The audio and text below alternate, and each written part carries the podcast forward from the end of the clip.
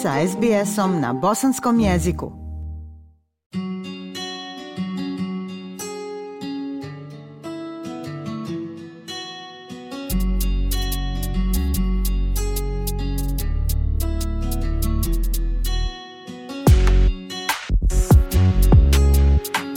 Slušate SBS program na bosanskom jeziku. Ja sam Aisha Hadži Ahmetović.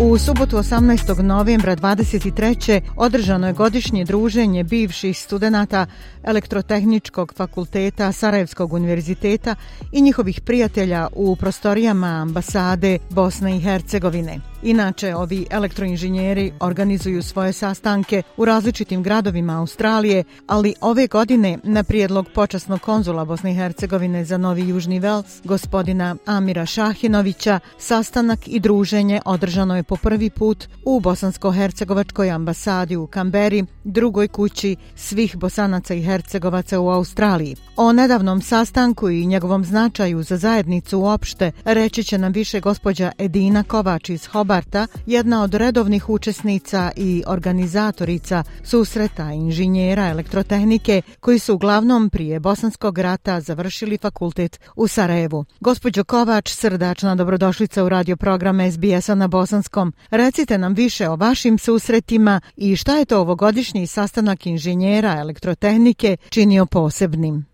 Ja se zahvaljujem na pozivu. Kao prvo hoću samo da kažem da sada nisam bila organizator, nego sam na neki način kao počasni organizator. A mi smo praktično prvi put počeli da se družimo povodom 44. godišnjice studentskog društva e, studentskog društva studenta elektrotehnike koji se zvao Stelex, koji je bio u prostorijama bivše remize kod Vrbanja mosta u Sarajevu. Ovim ratom smo se svi razletili na razne strane i onda je došlo to ideje 2008. da se proslavi 40 godina čistele. Sada ne čekamo 50 godina, to nam je izgledalo jako puno. I u tom organizacijom odboru su bili oni koji su nekada učestvovali i u formiranju tog našeg kluba. Ako ne pominjati, vjerovatno ću nekoga ispustiti, pa možda bolje da ne krenem. Mogu samo toliko reći kako je došlo do toga da bude i kod nas druženje. Tada je Sead Nurkić, znači jedan isto tako od inženjera iz Sarajevskog univerziteta i član društva Stalex došao kod nas u Hobar da intervjuješ, on je radio i sa drugim našim da kolegama koji su sada na prostorima Australije i tada je u stvari protektor je rekao bit će u Sarajevu, negdje čini mi se da je bio oktobar 2008. pa će onda biti u Las Vegas, u Americi, jer tamo ima puno naših studenta, odnosno naših završnih inženjera.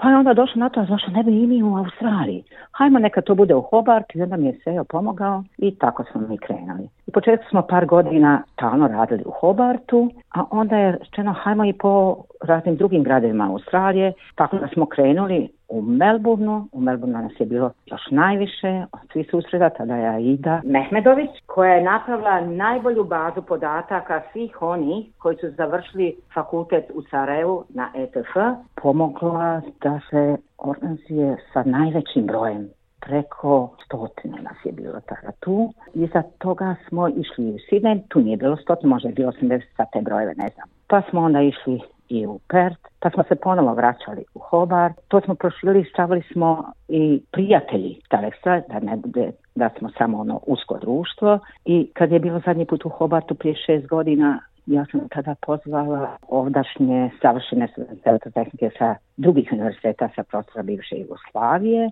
tako da smo to nekako i to tako. Recite nam, koji su to pozitivni ishodi vaših sastanaka? i koji bi bili važni za bosansko-hercegovačku zajednicu u Australiji? Ja mislim da je po meni najvažnije što se družimo, što napravimo dalje naš taj duh, što razmjenjuje ovi koji, mnogi od nas su koji rade kao inženjeri vrlo uspješni, pa znači mogu i da proširuju taj network ili mrežu poznanika. I svaki, kad smo bili u Melbourneu, tad su nam bili i vrlo mladi koji su vršili u Sarajevu. Znači, na neki način širimo mrežu poznanika da razmjenjuju iskustva vezano možda i za posao. Neki, mnogi ne rade od nas u struci, ali bez obzira na to uspješni su, da kažem, i dobri radnici i u tim poslovima u kojima se sada nalaze. I po čemu će vam ostati upamćen ovaj vaš posljednji susret i koji se desi u ambasadi Bosne i Hercegovine? Moram samo da rekne da mi je bilo žao što nas nije bilo tako puno, ali možda zato što je ovo tek sad je prošle godine bilo u Sidneju, samo nije na što puno, nije ja čak prvi put zbog pandemije.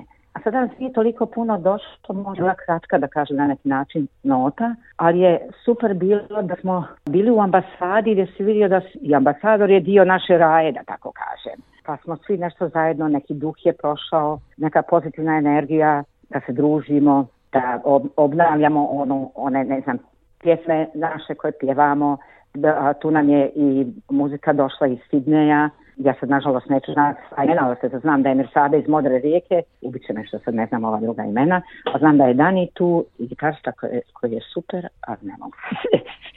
Uglavnom vam je bilo lijepo.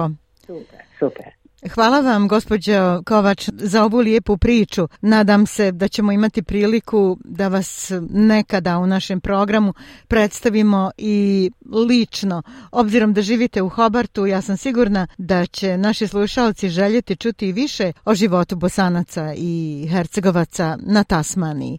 Hvala vam najljepša. I vama također i svi ste uvijek dobrodošli u našu Tasmaniju da vidite da je ona lijepa. SBS na bosanskom. Podijelite naše priče preko Facebooka.